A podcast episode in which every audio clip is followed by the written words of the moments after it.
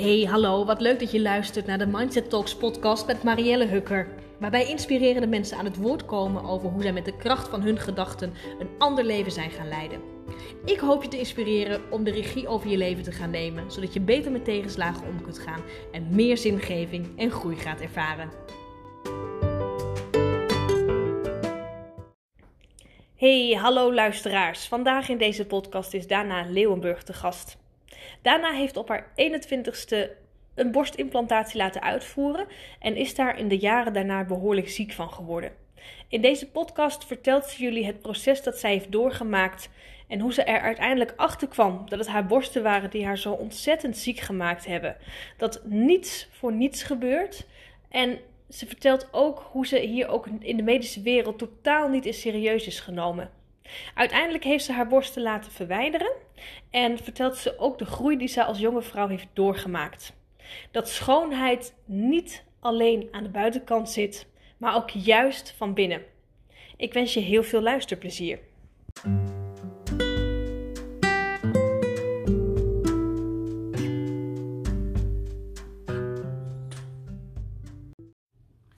Vandaag in deze podcast heb ik Dana Leeuwenburg. En uh, Dana heeft een hele mooie missie. Namelijk uh, mensen helpen met hun zelfontplooiing.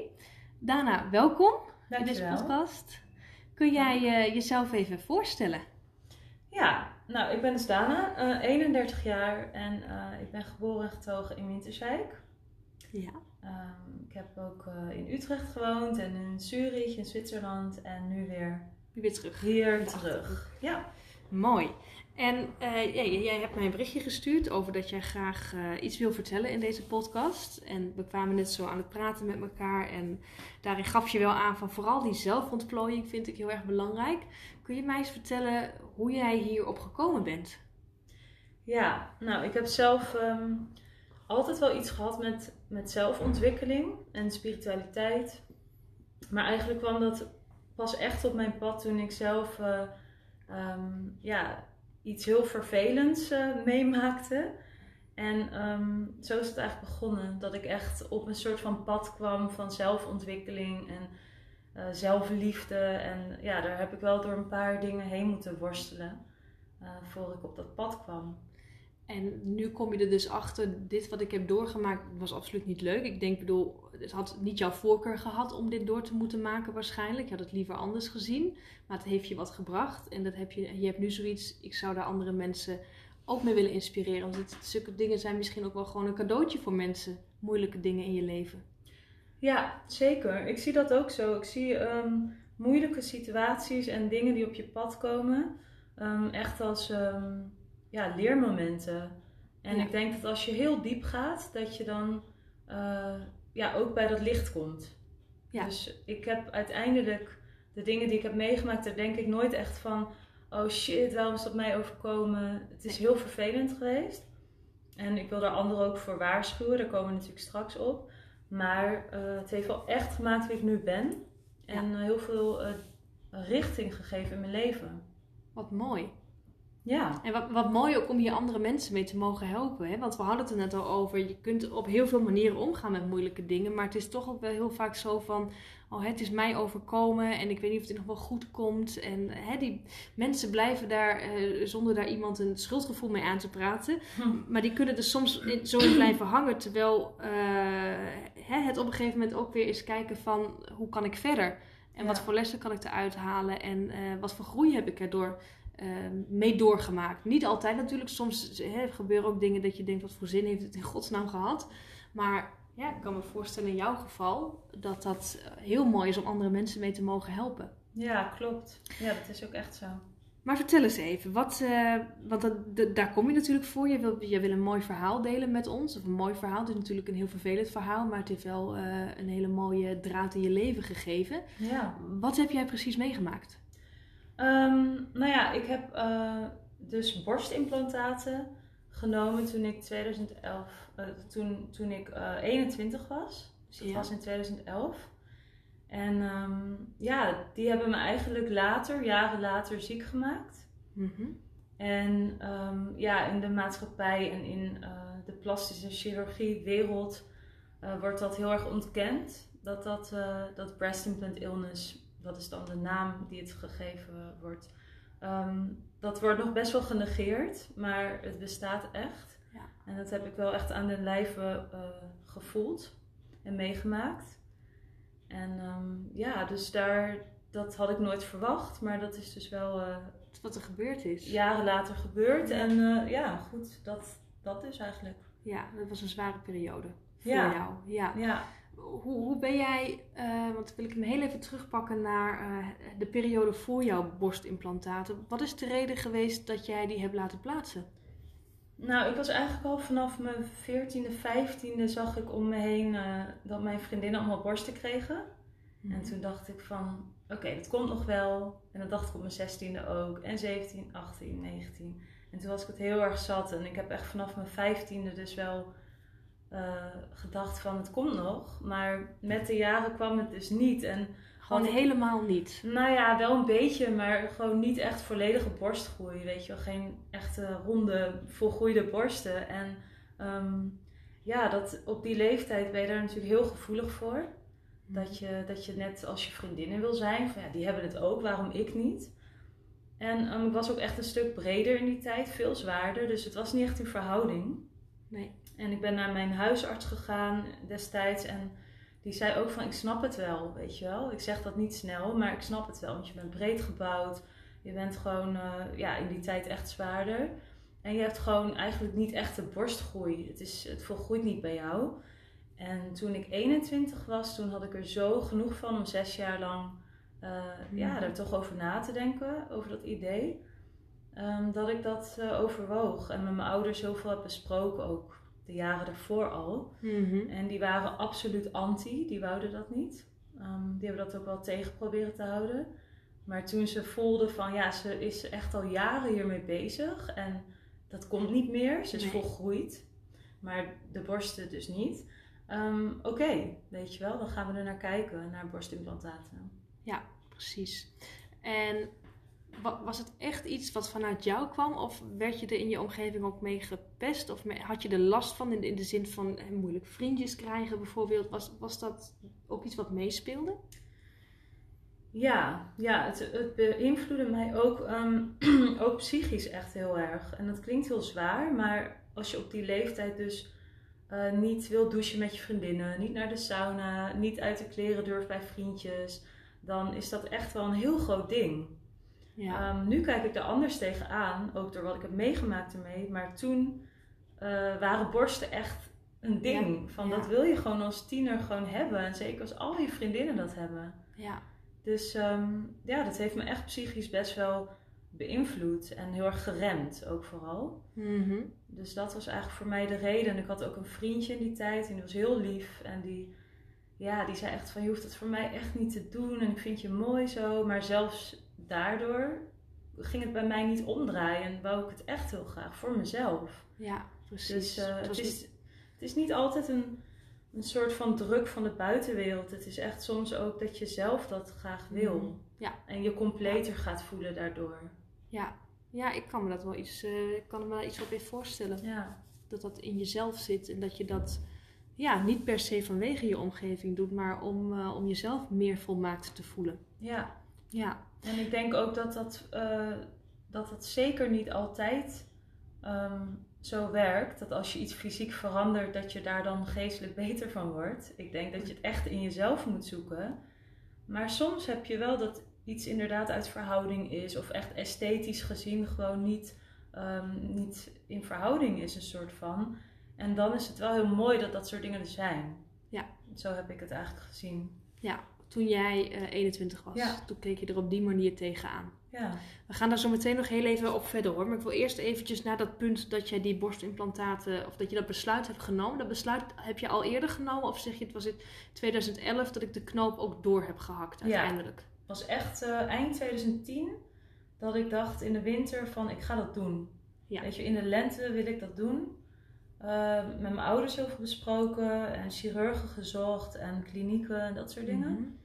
En uh, wou ik ook echt in de lente doen, zodat ik in de zomer dan uh, eindelijk, eindelijk met volle boezem de zomer in kon gaan. Ja. Maar hoe gaat zo'n proces dan? Want je, je, je gaat eh, zoeken naar wat je precies wilt. Je maakt afspraken, denk ik. Maar ja, je moet ook wat uit gaan zoeken, denk ik dan. Ja, wat past dan bij? Hoe gaat dat? ja, je gaat gewoon naar zo'n kliniek en ehm, eh, er was een plastisch chirurg en een hele aardige man, natuurlijk. Die hebben ook iets te verkopen. En ehm, ja, maar dat heel goed geholpen eigenlijk. En dan ga je ja, dus BH's eh, aandoen en, en verschillende protheses passen. Dus iets kleiner en iets groter. Ik weet nog dat mijn moeder echt zich doodschrok, want eh, hij, hij had een aanbeveling van ik zou toch wat groter doen, want je bent best wel breed gebouwd. En mijn moeder zei nee, nee, nee, nee, dit is genoeg, weet je wel, een cup B. Ja. Want hij wou mij echt een grote C eh, aanpraten. En toen dachten wij allebei van nee. Want ik had niet de intentie om grote borsten te hebben. Ik wou gewoon borsten. Al was het Ja. een cup A, B. Dat was voor mij al genoeg. Mhm. En ehm, dus zo gaat dat eigenlijk. En toen ehm, heb ik gezegd van oké, ik wil deze protheses hebben. En in die tijd was het ook eh, helemaal veilig en er kon niks mee gebeuren. Deze scheuren niet. Ehm, nou ja, dat eigenlijk. Je voelde je heel vertrouwd daar. Ja, ik voelde me wel echt heel erg eh, gezien. En ehm, ze hebben ook echt wel dingen besproken van, nou ja, de prothese eh, moet wel opgenomen worden door het lichaam. En bij sommige vrouwen kan dat dan wat minder goed. Maar het werd echt heel weinig werd er gesproken over de nadelen. Die ze waarschijnlijk ook tien jaar geleden nog niet echt in kaart hadden. Nee, want het waren ook relatief nieuwe soorten. Want ik kan me, ja, weet je, dus wij zijn ongeveer even oud natuurlijk. Ik kan me wel herinneren dat er een jaar of tien geleden een keer in het nieuws was dat die implantaten snel gaan lekken. Speelde Mhm. dat toen ook al? Dat ze daardoor zeiden: we hebben nu iets en dan, dan gebeurt dat niet? Ja, zo ging het echt. Ja, Dus wij hebben natuurlijk ook heel veel research gedaan, mijn ouders en ik. Van goh, eh, wat zijn de complicaties? Wat kan er misgaan? En dan wordt je eigenlijk verteld van nee, maar dat zijn de oude protheses en nu hebben we ja, ja. deze op de markt. En zo gaat het natuurlijk door de tijd met heel veel dingen. Van we hebben nu iets wat echt niet meer stuk kan gaan. Ja, en Mhm. met die wetenschap ga je dan zo'n proces in. En dan voel je eigenlijk heel veilig. Van, nou, ze zeggen dat dit echt eh, hè, ehm, een, een eh, buitenhulsel heeft, een omhulsel wat gewoon niet kan scheuren. Ja, En dan loop je de deur uit met het idee van, nou, als dit niet fout kan gaan, ja, Dan- waarom zou ik het niet doen? ja, en ik, ik kan hier zo mijn zelfvertrouwen fysiek gezien mee opkrikken. En eh, dat was zo belangrijk voor mij, dan wil ik dat gewoon. Dus ik stond daar heel, Ja, het was gewoon heel fijn, of ja, fijn en vertrouwd consult eigenlijk toen. ja. En, en krijg je dan op zo'n moment, als je daar bent geweest voor een eerste afspraak, nog een soort van bedenktijd? Of maak je gelijk een afspraak? Nee, volgens mij zat er wel gewoon bedenktijd tussen. En eh, dan bellen ze je, waarschijnlijk was dat na twee weken of zo, dat ze bellen van, goh, weet je wel, heb je erover nagedacht? Dat Mhm. kan ik me herinneren, maar weet ik niet meer helemaal precies.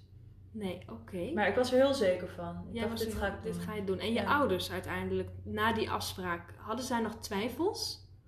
Ja, mijn moeder heeft natuurlijk ook alles kunnen vragen wat ze wilde. Van wat zijn de complicaties en eh, hoe gaat het op lange termijn. En het verhaal was een beetje van deze zijn zo goed dat, eh, dat er niks mis mee kan gaan.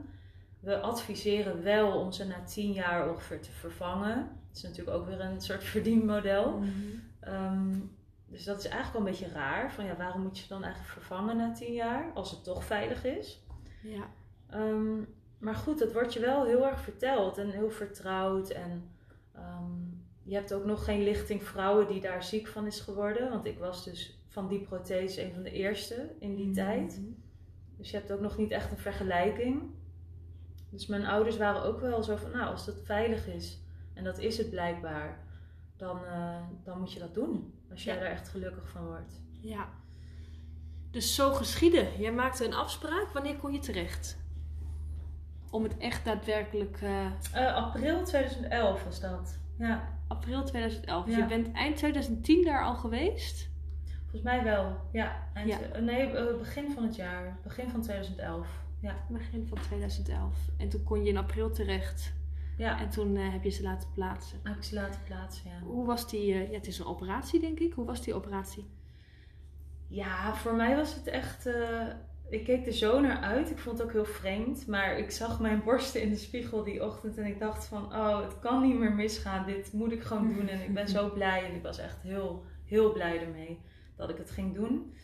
En ehm, ja, die dag in het ziekenhuis, het ging eigenlijk heel snel. Onder narcose. Ehm, het is heel naar om dat te zien op filmpjes. Want het wordt er echt uh, ingepropt. Het is heel naar eigenlijk hoe dat gaat. Mhm. Achteraf gezien... eh, nu met de kennis die ik nu heb, is het gewoon eigenlijk heel triest. Dat er iets in je lichaam wordt gepropt gewoon en weer dichtgenaaid. En nu mag jij je als eh, aantrekkelijke vrouw of zo hè, eh, de wereld in. Dat is een beetje hoe vrouwen dan behandeld worden eigenlijk. Eh, en dan er eigenlijk doodziek van worden uiteindelijk, heel veel.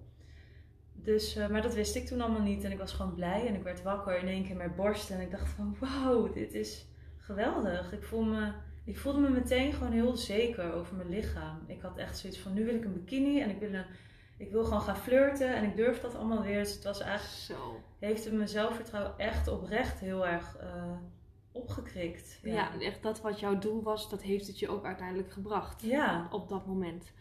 En ehm, zag je na zo'n operatie, ik bedoel, je zegt het wordt opengemaakt, het wordt erin gepropt en weer dichtgenaaid. Hmm. Zag je niet, hè, als je je borst in de spiegel zag, van er, er zit gewoon een wond? Of kunnen ze dat zo mooi maken dat je zegt, daar zie je na een paar weken niks meer van? Nou, ze hebben echt een heel klein sneetje gemaakt. Echt iets van 4, 5 centimeter. Mhm. Ehm, aan beide kanten, dus in de borstplooi, aan de onderkant. En daar doen ze dan een prothese in, ehm, die natuurlijk veel groter is. Dus vandaar ook dat erin proppen echt. En dan Mhm. schudden ze een beetje en kneden en dan zetten ze die dingen op hun plek. En dan naaien ze het inderdaad dicht. Eerst had ik heel erg zwellingen, dus ik had echt een... Ik had echt cup double D en ik schrok me helemaal kapot toen het verband eraf ging. Ik dacht, is Ja. dit het serieus? ik dacht, dit, hier had ik niet voor getekend. Maar uiteindelijk eh, slonk dat echt twee, drie cupmaten. Dus ik had Zo. uiteindelijk gewoon een mooie, ja, kleine middel B eigenlijk. Wat Ja. ik ook wou. Dus ehm, Ja. ja, zo ging dat. En je kon diezelfde dag nog weer naar huis? Of, of moet je dan nog blijven daar? Ik ben één nacht gebleven. Ja, en het was eh, echt eh, zo'n fijne nacht ook. Ik dacht, ik heb borsten. En iedereen was heel lief en zo. Iedereen verzorgde mij en kwam lekkere dingetjes brengen. En ik kreeg cadeautjes en BH's en zo. Oh. Echt, dat was ontzettend leuk. Dus ehm, ja, ik heb dat als heel goed ervaren eigenlijk. En de volgende dag ging ik naar huis. Ja. En dat herstel viel ook mee? Meestal is het een week of zes, geloof ik. Ja, een week of zes. En ehm, dan komt het eigenlijk op neer dat je eh, kapselvorming krijgt. Dus je, je lichaam gaat eigenlijk die prothese accepteren of niet. Mhm. En bij mij ging dat dus fysiek, qua borsten en eh, qua weefsel wat ik daar heb, heel goed. Ja. Dus dat is ook waarschijnlijk geweest waardoor ik nooit heb gedacht dat, het, dat ik ziek werd uiteindelijk van de nee. Bij sommige vrouwen ehm, kan het eigenlijk al heel snel nadat ze ze hebben laten plaatsen misgaan. Dat het lichaam echt alles wil doen om het uit te stoten. En dat ze gewoon echt soms verwijderd moeten worden. Of het kapsel, dat is dus een weefsel wat je lichaam doorheen aanmaakt om het op zijn plek te houden. Ehm, dat kan ook verharden. Mhm. En bij sommige vrouwen doet het zo'n pijn dat het lichaam schreeuwt van haal dit eruit. Ja. Maar bij mij ging dat eigenlijk heel netjes, die genezing. Het ging heel rustig en ja, mijn lichaam accepteerde wel die protheses toen. ja, dus je dacht missie geslaagd. Ja, ik dacht missie geslaagd, ik heb ze en eh, het hielde mooi. En eh, Ja. ja, na een paar maanden of na een jaar ongeveer zag je de littekens ook nauwelijks. Dus Mooi is dat. echt, Dus eh, die eerste tijd na die operatie heb je je echt wel heel goed gevoeld. Ja, ja, mijn zelfvertrouwen ging echt heel erg omhoog. En ik genoot echt heel erg van die zomer. Dat ik dacht van ja, nu voel ik me echt gewoon in verhouding Ja. met mijn lichaam. Weet je wel, mijn schouders zijn best wel wat breder. En het kwam allemaal heel mooi uit. En ik dacht ja, dit, dit is mooi zo. Zo ben ik gewoon blij met mijn lichaam. Ja, super. Kreeg je het ook terug van je omgeving? Zo, je straalt meer of je komt zelfverzekerder over. Ja, heel Ja. erg. Ja, ik heb echt ook van mijn vriendje destijds die ook zei van ik zie wel echt dat je veel zekerder voelt. Ja. En dat, eh, ja, zeker. En ik kom weer naar de sauna toe en eh, naar het lekker zwemmen. En ik ging ook zelfs topless, weet je. Als ik op vakantie was, dacht ik, oké, uit die bikini. En dan, weet je, dat had ik echt nooit gedaan als Nee. ik dat niet had gedaan. Dus dat Nee. heeft me echt wel heel, eh, ja, heel veel goeds ook gegeven in die tijd. Ja, super. Dat, Ja. dat is wel een mooie tijd geweest op dat moment. Wanneer was het eerste moment dat jij eh, je ziek begon te voelen? Ja, dat is een hele goeie. Ehm, achteraf gezien denk ik al heel snel. Ehm, maar ik begon echt in te storten, dat is nu ongeveer drie jaar geleden. Dat het echt helemaal misging. Ja. Maar als ik nu terugkijk, is het eigenlijk al een paar maanden nadat ze erin waren, eh, dat ik de eerste signalen kreeg. En welke signalen waren dat? Ehm, slapeloosheid, heel erg paniekaanvallen, eh, angst dat ik niet kon slapen. Dus dan dacht ik, oh, ik moet slapen en dan kreeg ik daar weer paniek van. Eh, heel erg hartkloppingen. En ik had in die tijd dus een vriendje en ik studeerde muziek in Enschede. Mhm. En ik weet nog heel goed dat ik ehm, op een nacht niet kon slapen.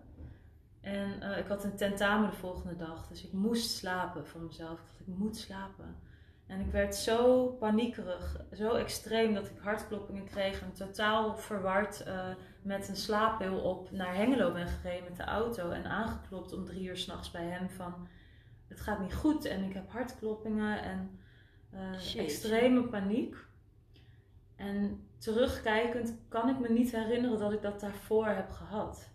Dus Nee. eigenlijk. Dat waren misschien wel de eerste symptomen die Ja. je op dat moment waarschijnlijk eh, onder de studiedruk of zo hebt geschoven. Ja, ik heb ze of- echt precies daaronder geschoven. Ik weet nog dat het heel zwaar was voor mij, die studie. En ik dacht van, eh, ik, dit is waarschijnlijk gewoon de studie en ik heb paniek en slapeloosheid daarvan. Weet Ja. je? Dus ik heb dat inderdaad Heel logisch. Zou ik ook doen. Logisch. Ja. ja. En toen verder. En toen ehm, ben ik gaan studeren in Utrecht. Ik ben geswitcht van studie. En eh, ook daar ging het eventjes goed. Je Mhm. hebt een nieuwe studie, je maakt vrienden, leuk, allemaal leuk. En toen in dat laatste jaar eh, ging het echt heel erg. Ik kwam echt wekelijks bij de tandarts met ontstekingen in mijn tanden. Ehm, extreme slapeloosheid. Echt om 11 uur s'avonds naar bed en om half zes 's ochtends. Dat was normaal dat ik dan nog wakker lag. Dus ik werd echt langzaam een beetje een soort zombie. Ik zag echt aan mezelf van... Wat is er aan de hand? Dit gaat eh, niet goed. Mhm. Ook weer een examenjaar. Dus ik dacht, het zal wel de stress zijn. Ja. Ehm, heel veel te regelen en alles. En mijn huisgenoot destijds, die ging om, eh, om 11 uur s'avonds uit. En die kwam om 5 uur 's ochtends terug. En ik lag nog steeds wakker. Jeetje. Dus dat was wel echt heel extreem. Ik heb mijn ouders heel vaak opgebeld. eh, s s'avonds van, ik heb echt het idee dat ik dood ga. Ik heb hartkloppingen. En ja, dat was een hele, hele heftige tijd toen in Utrecht. Wat heb je gedaan toen? Heb je hulp gezocht? Ik ben naar de huisarts gegaan en die zei ook van ik denk dat het examendruk is. En ik heb nog ehm, gesprekken gehad met een psycholoog. Ehm, ja, ook vaak naar de tandarts. Dat ik dacht, wat raar, weet je wel. Ik heb in één keer ontsteking, een wortelkanaal hier, eh, pijn in mijn kiezen. Ehm, komt dus neer op ontstekingen. En dat zie je dus ook heel veel bij dit beeld.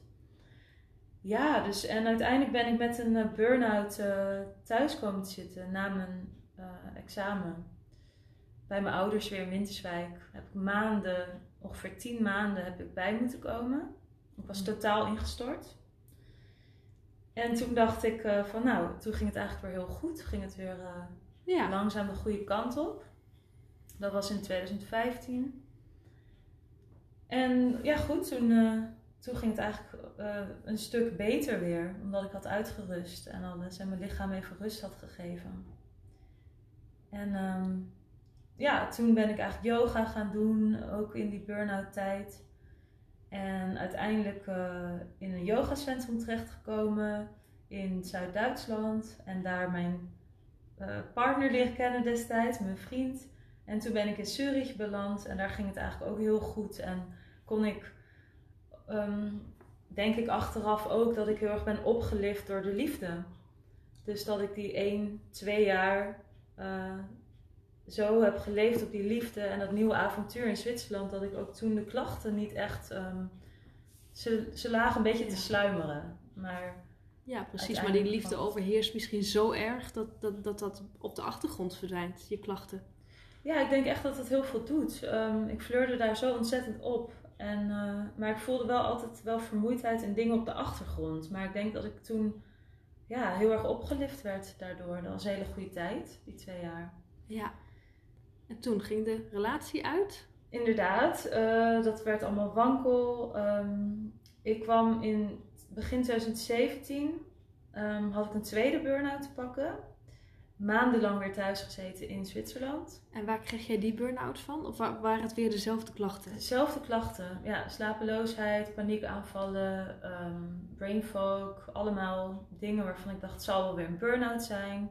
Ehm, waarschijnlijk kan ik niet veel aan, dus werd Ja. ook mezelf weer labels opplakken van je kan niet veel aan, Ehm, ik kan geen druk aan, niet wetende dat er dus onderliggend iets speelde. En toen weer dus eh, maandenlang thuis met een burn-out, eh, psycholoog eh, erbij en gesprekken gevoerd. Mhm. En toen ging dat eigenlijk ehm, eind 2017. Ehm, toen wilde ik weer gaan werken. En toen had ik een hele leuke baan gevonden bij een bioscoop in Zurich. Mhm. Maar ook daar ging het eigenlijk heel snel weer mis. En toen weer ingestort. Dus ik dacht, er is, wat is er toch aan de hand? Weet je wel, een tweede burn-out. Slash derde. Mhm. Ehm, en toen ben ik naar Nederland gegaan. Ik dacht, ik voel me niet goed. Er is iets aan het aankomen, weet je wel. Het, het gaat gewoon niet goed met me. En met mijn relatie ging het ook wankel. Mhm. Door bij hem persoonlijke dingen en bij mij. En toen ben ik terug naar Nederland verhuisd weer. En kwam ik bij mijn ouders weer terecht in Winterswijk. En ehm, ja, vandaar ging het echt downhill. Heel erg. Heel erg heel, downhill. ja, nog erger dan de eerste burn-out? Je bent echt Ja. diep gegaan. Toen ging het heel diep. ehm, en dat was eigenlijk, eh, ja, dus in 2018 begon dat allemaal. Eind 2018. Ehm, en toen kreeg ik dus heel, in heel snel tempo eigenlijk veel meer symptomen. Dus van slapeloosheid en ehm, eh, eh, paniekaanvallen kreeg ik in één keer gewoon per week kwamen er dingen bij. Mhm. En nou ja, een aantal van de symptomen zijn, kan even lezen van het lijstje die ik toen heb gemaakt. Eh, dus extreem vermoeidheid, geheugenverlies, eh, brain fog, gewrichtspijn, haaruitval, dunne huid, eh, onverklaarbaar gewi- gewichtsverlies, hartkloppingen, piep in de oren, kortademig, huidproblemen, hormoondisbalans, uitval in mijn armen. Dus soms werd ik s'nachts wakker en dan voelde ik mijn arm niet meer. Die was helemaal dood. Die hing daar gewoon te bungelen. En dat werd dan na 10 minuten. Ging dat weer aan? Heftig zeg. Ja. Even kijken. ehm vlekkige huid, verkleuring van mijn huid, snelle veroudering. Ik zag gewoon heel erg dat mijn huid dun werd. Eh loensende ogen, wazig zien, spontane blauwe plekken. Dus in één keer blauwe plekken op mijn been van ongeveer 10 centimeter groot. Ehm spijsverteringsproblemen. Eh, ja. Hoesten, duizeligheid, angstpaniekaanvallen, depressie. En soms had ik ook echt het gevoel dat ik doodging. Zo- En, en deze had jij ook allemaal ongeveer? Je Ja. kan ze bijna allemaal wel afvinken? Ja, ik kan zo, dit zijn gewoon mijn klachten. Dit waren jouw klachten. Ja. Ja. Dus het, ging, het liep echt van twee, drie symptomen in één keer op naar dertig. Weet je wel? En toen dacht ik van dit is niet normaal. Toen liep ik eh, bij mijn huisarts destijds hier in Winterswijk. Ik ga geen naam noemen, want Nee. eh, het was eh, echt een bizarre situatie met haar. Eh, in het begin werd ik best wel serieus genomen over dat mijn haar uitviel. Ehm, en dat ik me heel depressief voelde. Maar dat werd eigenlijk ook afgeschoven. op, Ja, je hebt het net uit en je komt natuurlijk uit een heel ander leven. Ehm, misschien ben je daar een beetje van je apropos van. En stress kan ook haaruitval veroorzaken. En ik dacht, dat klopt. Dat zou ze best wel eens gelijk in kunnen hebben. Ehm, nou, antidepressiva werd eigenlijk eh, als Ja. oplossing bedacht. Van, nou, misschien moet je daar eens aangaan. En met de psycholoog praten. Dus ook weer die classic dingen van Ja. doe dat maar. En ehm, na een paar maanden merkte ik dat die lijst zo aan het oplopen was. Dat ik ook merkte bij mijn huisarts dat ze me niet meer echt serieus nam. Zo van, ja maar Dana weet je, je bent er zo obsessief mee bezig. En toen dacht ik, ja maar ik zie toch dat ik gewoon een wit gezicht heb. En een groene gloed om mijn mond en wazige ogen. En ik zie er toch niet gezond uit. Mhm. En, ehm, en daar werd ik gewoon op een gegeven moment niet meer in serieus genomen. En eh, ja, toen is eigenlijk het hele, ehm, het hele, de hele reis voor mij begonnen met eh, op mijn eigen stem vertrouwen. Ja. Ehm, Dus misschien ook maar goed dat het gebeurd is. ja, Omdat je anders nooit er, daarachter was gekomen. precies. Want Ja. vertel, wat is. eh, hè, de huisarts heeft jou niet meer serieus genomen. Dus jij eh, hebt gedacht: eh, oké, nou moet ik naar mezelf gaan luisteren. Want dit Mhm. klopt voor mij niet. Waar ging jouw zoektocht verder? Nou, mijn zoektocht was echt dat ik gewoon ja, op, op een bepaald moment een beetje brak. Toen de huisarts aan de telefoon zei van... Daan, je bent echt heel erg obsessief bezig met je, met, je, met je lichaam. En ik zei, ja, maar hoe kan het dan dat ik ziek ben? En toen zei ze, ik denk niet dat jij ziek bent. En dat hakte er wel echt in. Alsof je dat had ingebeeld. Ja, weet je wel, zo van, eh, ik denk niet dat jij ziek bent, Daan. Het zit tussen je oren. Dat was echt de boodschap. En dat eh, deed wel echt heel erg pijn. Dat ik dacht van, oké, weet je wat? Fuck it. Ik, ehm, ik voel dat ik van binnen niet, dat er iets mis is. Ik voel aan mijn onderbuikgevoel dat er, dat er iets is wat ik moet gaan ontdekken. Weet je wel? Ik, het is niet gezond dit. Er is iets. En toen ben ik eigenlijk... eh, ja, echt heel erg in, een, in de ergste maanden van mijn depressie beland. En ik denk dat je daar in zo'n diep dal een soort van ontvankelijk wordt voor eh, een antwoord. Ja, Weet je wel? ja herken Je ik. zit er zo diep in dat je denkt van ik moet me overgeven. Ik denk dat ik me meer moet verbinden met, ehm, ja, met het universum of met ja, God of liefde, hoe je het ook noemt. En ik weet nog dat ik, dat was het keerpunt, toen lag ik op de bank bij mijn ouders en die waren er niet. En ik lag daar en ik was zo aan het huilen. Ik dacht, hoe kan ik in zo'n depressie zitten dat ik echt bijna denk van het hoeft niet meer. Zo erg zat ik erdoor. En ehm, toen op een gegeven moment eh, was er iets wat mij naar de computer leidde. Een soort stem of zo van oké, ga eens even zoeken. En toen ging ik kijken naar Medical Medium, waar ik toen eh, boeken van las. eh, over voeding en zo. Ik dacht misschien zit het wel in mijn organen, is er iets mis. Ja. En toen kwam ik uit op de website van Medical Medium. En toen zag ik een podcast wat heet Breast Implant Illness. En toen dacht ik van holy shit, weet je wel, misschien is het toch wel, eh, zijn het toch die protheses. Mhm. Wat ik heel raar vond, want ik was twee keer had ik een echo laten maken bij in Zwitserland en in Nederland. En hadden ze gezegd ze zijn niet gescheurd. Dus je bent safe en je bent gezond. En niet meer zeuren, hop, het is Ja, klaar. Dat, was is dus het, ook Ja, dat is het in elk geval niet. dat is het niet, dus dat had ook mijn huisarts natuurlijk. Die had zoiets van, Daan, we hebben het uitgesloten, dus hou er nou eens over op. En in Want die... je bent er wel over begonnen. Bij haar Ja. zou het kunnen zijn dat. Ja, ik ben er op een gegeven moment over begonnen, van het zijn die borstprotheses misschien wel. En toen zei zij inderdaad van, nou, het kan niet, want op de echo staat ook dat ze niet zijn gescheurd. Dus dat kunnen we gewoon afvinken. Mhm. En daarmee kwam ik dus met haar in zo'n Ja. spagaat. En daar konden wij elkaar niet meer vinden. Ehm, maar goed, terug naar dat eh, moment. En toen hoorde ik dus op die podcast eh, van breast implant illness en alle symptomen. En ik dacht, dit ben ik gewoon. Al die symptomen. Hij zei ook van, het loopt wel op tussen de 30 en 50 symptomen op één in hetzelfde moment. En toen ehm, ja, ging er bij mij alle alarmbellen af van, dit is het gewoon, weet je wel. En ik voelde het ook echt. Mhm. Ik voelde gewoon van dit is het. En ze moeten eruit. Ehm, en ik ga gewoon weer helen. Want ik voelde gewoon dit is het. Ja.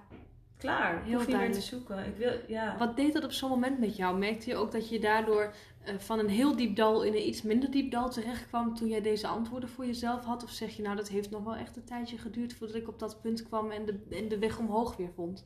Nee, het was echt, ja, ik heb er bijna helemaal kippenvel van. Het was echt op dat moment ehm, dat ik voelde een soort, ja, ik noem het een soort nabijheid van, van iets goddelijks of zo. Het klinkt Mhm. wel zweverig, maar, of liefde, wat me echt omringde. En ik voelde gewoon van, ik ben veilig. En ehm, als dit het is, dan kan het alleen maar weer goed gaan. Ja. Dus ik voelde echt zo'n last van mijn schouders vallen. Ehm, en ik, ja, ik fleurde eigenlijk meteen al bij dat idee op, weet je wel. Geestelijk had ik meteen een soort licht in me van... wauw, ik word gewoon geleid en dit gaat goed komen. Maar is het dan niet een, een strijd voor jezelf tussen het geestelijke en het fysieke? Dat je denkt, mentaal ga ik me misschien beter voelen omdat ik deze klachten straks niet meer heb. Maar fysiek gezien word ik misschien wel weer heel onzeker.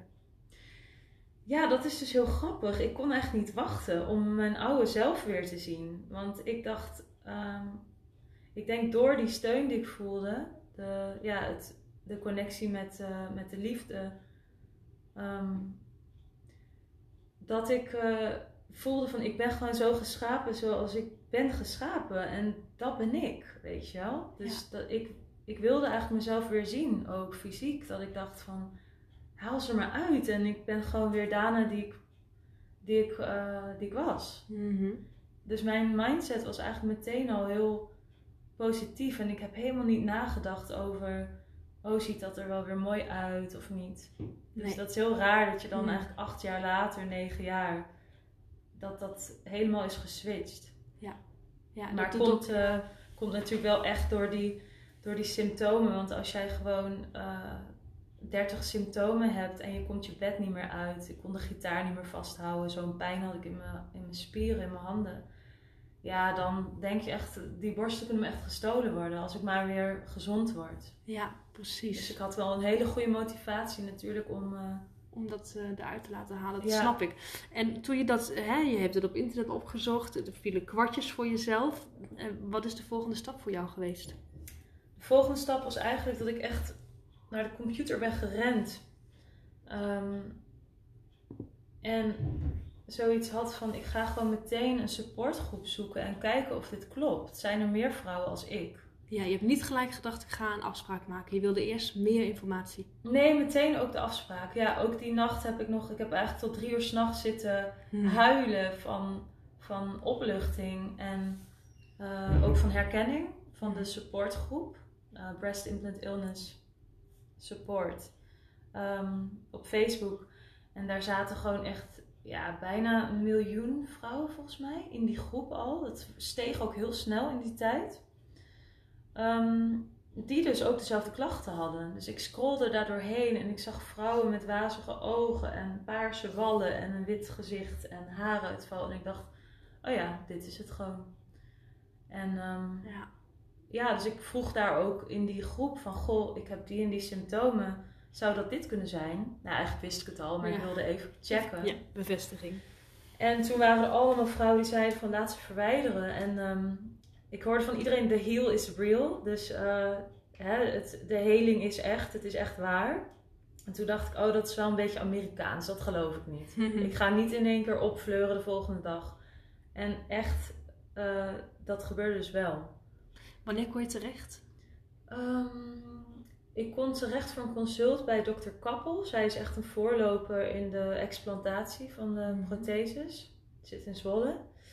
En ik heb meteen gebeld de volgende dag. Ik wist dat ik bij haar dat wou laten doen. Het is nog best wel een proces om dat goed eruit te halen. En ehm, daar kon ik ja, binnen een maand of zo voor een consult terecht. En ehm, toen ik bij haar was, zei ze ook echt van, nou, je bent best wel een ernstig geval, weet je wel, als ik jouw symptomen zie. Zij erkende jouw klachten Ja, meteen. Ze zei, dit is zo duidelijk. Hier komen echt vrouwen aan de lopende band, laten ze verwijderen. En Mhm. ja, zij strijdt eigenlijk al twintig jaar voor breast implant illness. Maar ze zegt, de, de industrie houdt het gewoon eigenlijk totaal af. Mhm. En eh, ja, het is, Erg. het is natuurlijk een miljoenenindustrie. Ja. Miljoenenindustrie, dus ja, ze willen er eigenlijk niet, als er niet echt wetenschappelijk iets is aangetoond, wat geld kost. Dus dat onderzoek, dat is lastig. Ja. Ehm, ja, dan houden ze dat het liefst natuurlijk gewoon in stand zo. Ja. Maar zij strijdt daar dus wel voor en daarom wilde ik ook haar. Omdat ik haar vertrouw Ja. in haar kennis. En zij bood op dat moment ook geen alternatieven aan. Ze had zoiets van, we hebben nu iets nieuws. Of eh, zo is zij niet, die arts. Nee, ze zei eigenlijk wil ik ze ook niet meer plaatsen. Plaats zij ze ook niet meer. Ehm, zij doet wel eh lipofilling. Dus dat is Ja. met lichaams eigen vet eh, ja, verplaatsen naar de borsten. Dat doet zij wel. Maar ik had daar tot grote verbazing destijds, want ik dacht ik heb echt wel genoeg vet. Ik ben niet dik, maar ik heb echt wel vet. Maar ze zei dat kan dus bij jou niet. Want je hebt te weinig om dat te verplaatsen. Ehm, Dus daar hebben we nog wel lol om gehad. Ja. Mijn moeder en mijn zus. En mensen zeiden van, oh, je mag van mij wel wat, weet je wel.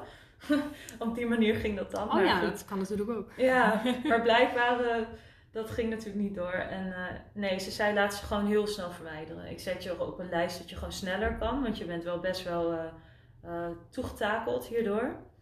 En toen kon ik op eh, 10 augustus terecht, dus redelijk snel. En jij was daar wanneer? Ehm, in juni.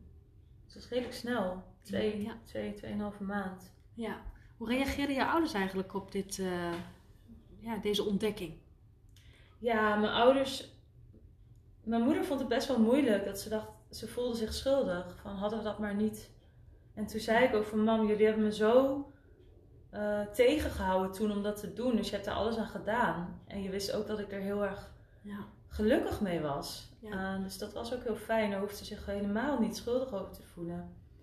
Ehm, eventjes had ze dat. En daarna had ze zoiets van, nou ja, goed. eh, laat ze eruit halen. Ze waren heel blij voor me. En ehm, ik was zo overtuigd. En ik moest zo huilen. Het was zo emotioneel voor mij om... Na jarenlang, dat je denkt, misschien is het in 2011 wel begonnen al. Dat je dan eindelijk weet wat er aan de hand is. Dat is gewoon ehm, heel emotioneel. Dus zij waren heel blij voor mij. Heb je ook nog even gedacht, stel je voor dat dit het niet is. Dan heb ik ze eruit laten halen en de klachten blijven. Of was het voor jou zo duidelijk? Zo duidelijk. 100.000 procent. Ik dacht, ik kan niet wachten tot ze eruit zijn. Ja. Ja. Dus toen kon je terecht in augustus. Mhm. Ook weer een dagoperatie, denk ik. Ja, 10 augustus. Het is voor mij ook echt een dag die ik nooit vergeet. En ik wil eigenlijk dit jaar, eh, op 10 augustus, wil ik, ik weet niet, heb ik het idee om eh, een soort van ring voor mezelf te kopen of zo. Een soort van Ja. trouw. Om, eh, om mezelf echt lief te hebben voor wie ik ben, no matter what. Weet je Ja. wel? En ik vind dat het zo'n speciale datum voor mij. Ehm, en zeker twee jaar na de tijd, dat is een beetje de tijd die je nodig hebt om hiervan te herstellen, je lichaam. Dus dat is voor mij een soort mijlpaal. Maar goed, ehm, ja, dat was inderdaad eh 10 augustus 2019. Wat mooi, mooi, is, eh, een mooi symbool, zo'n symbool om zoiets Ja. te doen inderdaad. Maar je hebt ze er hè, in 2019 laten uithalen, 10 augustus. En eh, hoe werd je toen wakker uit de operatie? Ja, dat is echt eh, zo'n ongelooflijk bijzonder moment geweest. En wederom werd ik echt gedragen door, ja, ik noem het toch maar even. Ik ben niet gelovig, maar God of iets goddelijks. Ehm, liefde. Eh, ik ging daarheen en ehm, er was een vriendin van mij, die ken ik van eh, ja, een soort van groep waar ik in zit. Een cursus in wonderen heet het. Het is een groot, dik boek.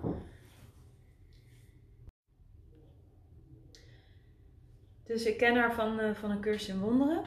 En ehm, zij had mij, een, er staan lessen in dat boek. Mhm. Eigenlijk een les voor elke dag. En eh, zij had één les gegeven aan mij. eh, via de app. Van Dana, deze les heb ik vandaag voor jouw operatie. En eh, de les was, ik leg, de toekomst in God, ik leg de toekomst in Gods handen. En dat vond ik zo mooi. Ik dacht, ja, dit is echt gewoon zo passend bij dit moment. Dat ik het verleden van onzekerheden over mijn lichaam en eh, zelfhaat. En nou ja, als vrouw kun je zo hard zijn voor jezelf eh, en jezelf beoordelen op je uiterlijk heel erg. Mhm. En al die ballast had ik gewoon zoiets van: ik laat het allemaal achter me. En ik leg de toekomst in Gods handen. En dat was ook echt de les waarmee ik eh, de narcose inging. Dus ze zeiden van denk aan iets positiefs. En toen Mooi. had ik dat in mezelf gezegd. En toen was ik weg. En ik werd ook echt wakker uit die narcose. En eh, er was een shift. Het was echt heel raar. Maar het is, bij mij is daar het licht aangegaan. Ik ben daar echt... eh, ja, ik werd wakker. En eh, er kwam een hele lieve verpleegster aan. En ik kon alleen maar huilen.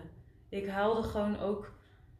Ik denk dat samen met die protheses dat ik ook heel veel vergif die ik mezelf had toegediend, negatieve dingen over mezelf eruit huilde. Zo Ja. voelde het. Ik was helemaal in een totale halleluja stemming. En eh, ik voelde van dit is een nieuw begin. Ik ben gewoon weer fysiek weer mijn oude zelf. Maar ik voel me zo vernieuwd en Ja. opgeschoond. En ehm, ja, ik heb echt toen eh, soort van het licht gezien of zo. En dat blijft natuurlijk nooit helemaal. Dan denk je, oh, ik ben helemaal Ja, verlicht nee. nu en zo.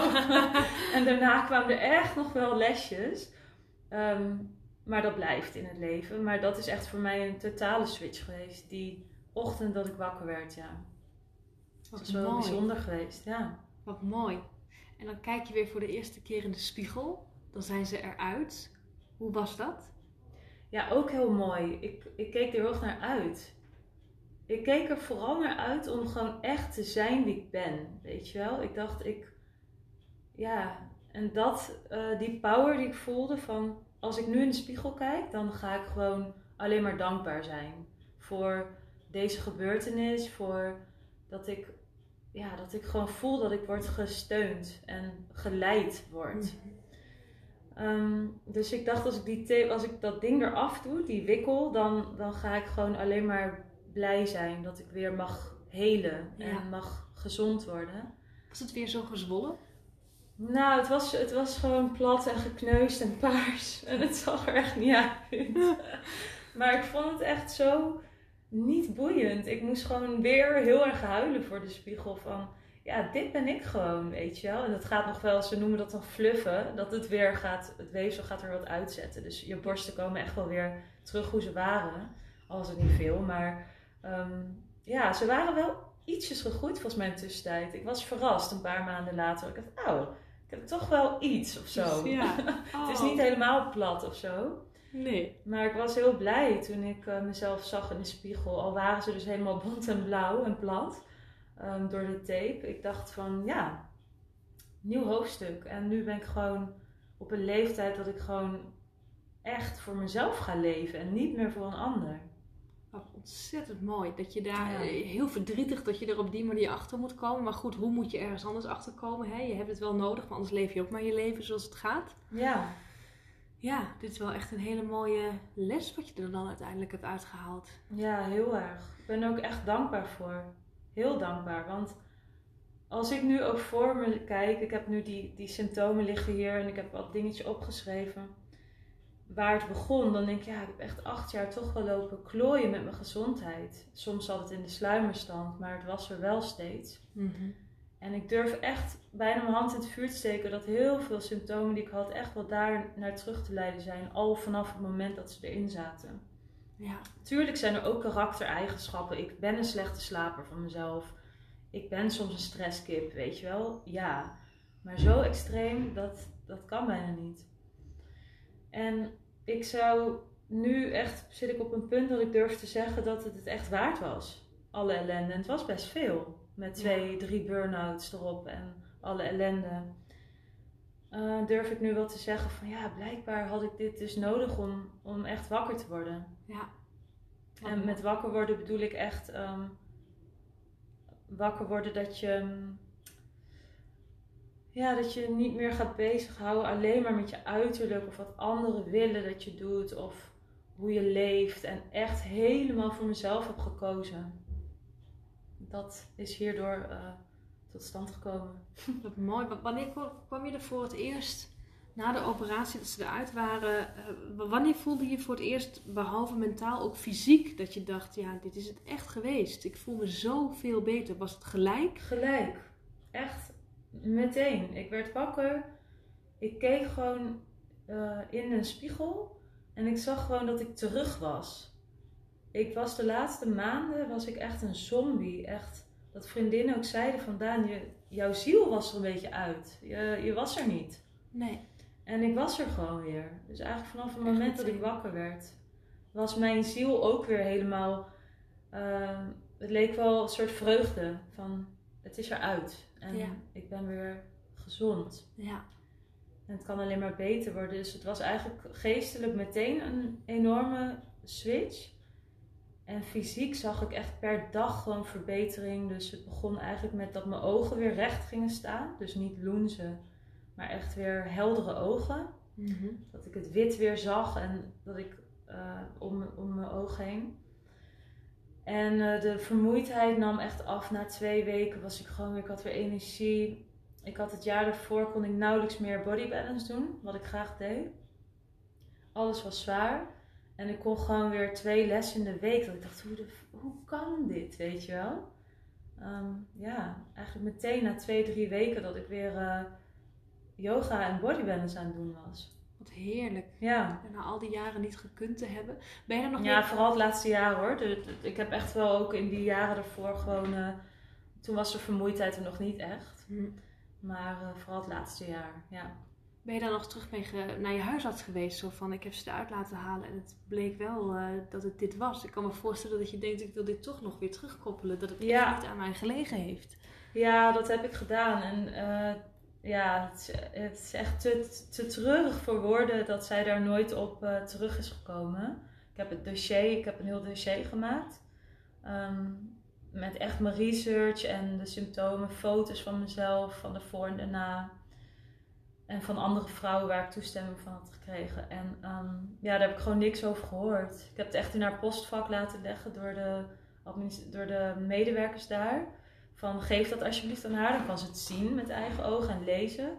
Maar ik heb er nooit van haar iets gehoord van goh, wat fijn dat je weer beter bent. En, Triest. Dus dat vond ik wel uh, heel erg pijnlijk. Ja, dat vond ik echt. Uh, ja je, ja, je hoopt in elk geval een, een, een, reactie of misschien een soort excuus van ik, ik had je serieus moeten nemen of ik, ik had meer voor je moeten doen. Ja, ik denk ook dat ze daar heel haar rol heeft onderschat of zo. Van niet bewust, maar dan denk ik ja, als huisarts is het de basis is dat je iemand blijft serieus nemen. En mensen zijn niet achterlijk. We hebben zo'n intelligentie in ons lichaam. Ja. En elke vrouw weet wel van dit is niet normaal als ik 30 symptomen heb en ik zie eruit als een zombie. Weet je wat? Het is niet normaal. Nee. En als je dan niet wordt serieus genomen, dan ja, daar, daar had ik gehoopt dat ze wel dat inderdaad zou erkennen. Zou misschien. erkennen van goh, weet je wel. Uh, ik had er misschien wat meer moeten zijn voor je. En dat maakt niet uit. Ik was er voor mezelf. En dat is uiteindelijk het allerbelangrijkste. Dat heeft zij mij misschien. Uiteindelijk moest het zo zijn dat ik veel meer op mezelf ging vertrouwen. Ja. Dus dat heeft ook weer een positief iets meegenomen. Maar ik vind wel dat je als huisarts gewoon ja. echt moet blijven luisteren. Van goh, ja. zij komt hier niet voor niks elke keer aankloppen, weet je wel? Nee. Nee, je hebt daar een voorbeeldfunctie in. En ik denk dat ze inmiddels ook niet meer je huisarts is. Nee, ik. nee, ik heb dat echt uh, ja, uh, laten zitten. Ja, dat kan me heel Naar iemand anders overgestapt, zeker. Ja. ja. ja. En je zei net, als, als ze eruit zijn, dan moet je toch wel rekenen op een kleine twee jaar herstel. Waar zit dat herstel in? Dat je eigenlijk pas zo meteen in augustus kunt zeggen van, zoals ik nu ben, dit is, dit is hoe het zal blijven. En dat je in die twee jaar uh, die dan voor je liggen, dat het alleen maar steeds beter kan worden? Of hoe moet ik het voor me zien, het herstel? Ja, het is heel lastig te zeggen. En we hebben, ik heb eigenlijk ben vergeten iets heel essentieels te vertellen. Daar gaat het uiteindelijk om. Dat de protheses dus niet hoeven te scheuren um, om je ziek te maken, maar ze zweten. Dus dat is eigenlijk het, het verhaal. Mm -hmm. Um, dus eigenlijk is de binnenkant van de, ja, dus eigenlijk de prothese van binnen, daar zitten allemaal zware metalen in en zelfs benzine en allemaal toxines, die dus door je hele lichaam gaan zwerven. En ze noemen dat silicoonmigratie. En dat kan dus ook in je lymfe en in je bloedbanen terechtkomen. En er is ook een vrouw die heeft dus haar benen moeten laten amputeren omdat siliconen overal waren gevonden, ook in haar benen. Oh, verschrikkelijk. Dus zo heftig is dat. Kan dat zijn, dat is niet bij iedereen Nee. zo, als je op tijd bij bent. Maar het komt dus op neer dat ze zweten en, ehm, en dat maakt je dus ziek. En is dat in de, in de regel zo dat dat bij iedereen met borstprotheses een keer gaat gebeuren? Of zeg je nou in 80% van de gevallen gaat het eigenlijk altijd goed? Ja, eigenlijk ehm, is er ook een wetenschapper. eh, hij is ook veel op radar geweest en hij doet mee aan al die onderzoeken. Vooral radar heeft er heel veel aandacht aan geschonken de laatste twee jaar. Ehm, die implant files heet dat. Dat kun je ook vinden op internet. Ehm, en Henny Dijkman is dan een wetenschapper en hij zegt van... Ik denk dat je beter andersom kan draaien. Van 20% gaat goed en 80% gaat fout. Want op het moment dat jij iets in je lichaam zet wat kan gaan zweten door lichaamswarmte... ehm, dan komt het overal terecht. Ja. En daar moet je van detoxen en dan kom je inderdaad op het herstel. Precies. En dat kan gewoon echt ja, wel 1 tot 2 jaar duren voordat het uit je lichaam is. Omdat het dus overal opgehoopt zit. En ik had gelukkig weinig eh, verlies uit de protheses. Ze waren redelijk intact. Maar toch zei de, de chirurg wel van ja, je hebt toch wel gewoon volume eruit. En dat zijn gewoon kleine Ja. deeltjes die door jouw lichaam zwerven en die je er echt uit moet detoxen. Dus dat is eigenlijk waarom ze, ja, de een herstelt in een half jaar, de ander in een jaar, twee jaar. Kan ook langer duren. Merk jij dat je al hersteld bent of zeg je nee, ik zit er nog steeds in? Ik heb, eh, de symptomen zijn echt in de volgende maanden, na de explantatie, zijn ze echt met de helft verminderd tot weg. En soms heb je een detox wave, dan komt er weer even wat op. Ehm, het enige waar ik nog last van heb is vermoeidheid. Met vlagen, dat het in één keer kan ik nog kapot moe zijn. Dat is op sommige dagen. Ehm, en geheugenverlies merk ik echt. Dat ik eh, Dat is nog niet helemaal terug. Nee, blackouts krijg zomaar. En heel veel mensen zeggen van, oh, heb ik ook wel eens en zo. Maar je voelt wel van, dit is meer dan voorheen. Ehm, dus geheugenverlies en ook zinnen in één keer vastlopen of niet op een woord komen. Wat ik eerder heel makkelijk weer terug kon halen. Ehm, die dingen heb ik, daar heb ik nog wel last van. Ja. Maar dat zijn er echt twee of drie in Ja. plaats van dertig. En je Dus, hebt ook eh, nog een halfjaartje. Ja, inderdaad. Dus, eh, Het ligt ook heel erg aan je, aan je eigen inzet. En ehm, ik ben gewoon een enorme snoepdoos. Dus ik vind het heel moeilijk om consequent gezond te eten. En ik ben ook een muzikant, dus ik slaap dan soms laat. En dan word ik s'nachts wakker met inspiratie. Dus mijn slaaphygiëne is ook niet alles.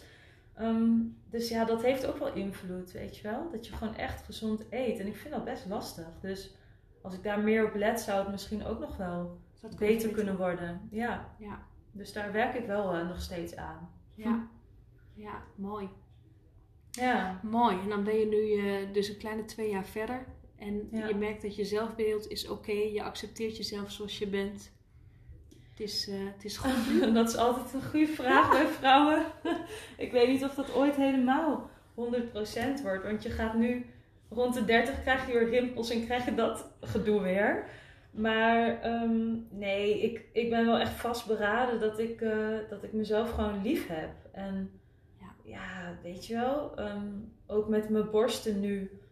eh, was, is dat natuurlijk in het begin, als je weer voor het eerst een vriendje hebt, eh, best wel eng. Maar ja, ik heb zo'n power van binnen dat ik voel van, dit ben ik gewoon klaar. Het is heel Ja. simpel. Daar Ja. is gewoon zo'n En daar moeten mensen maar mee dealen dan.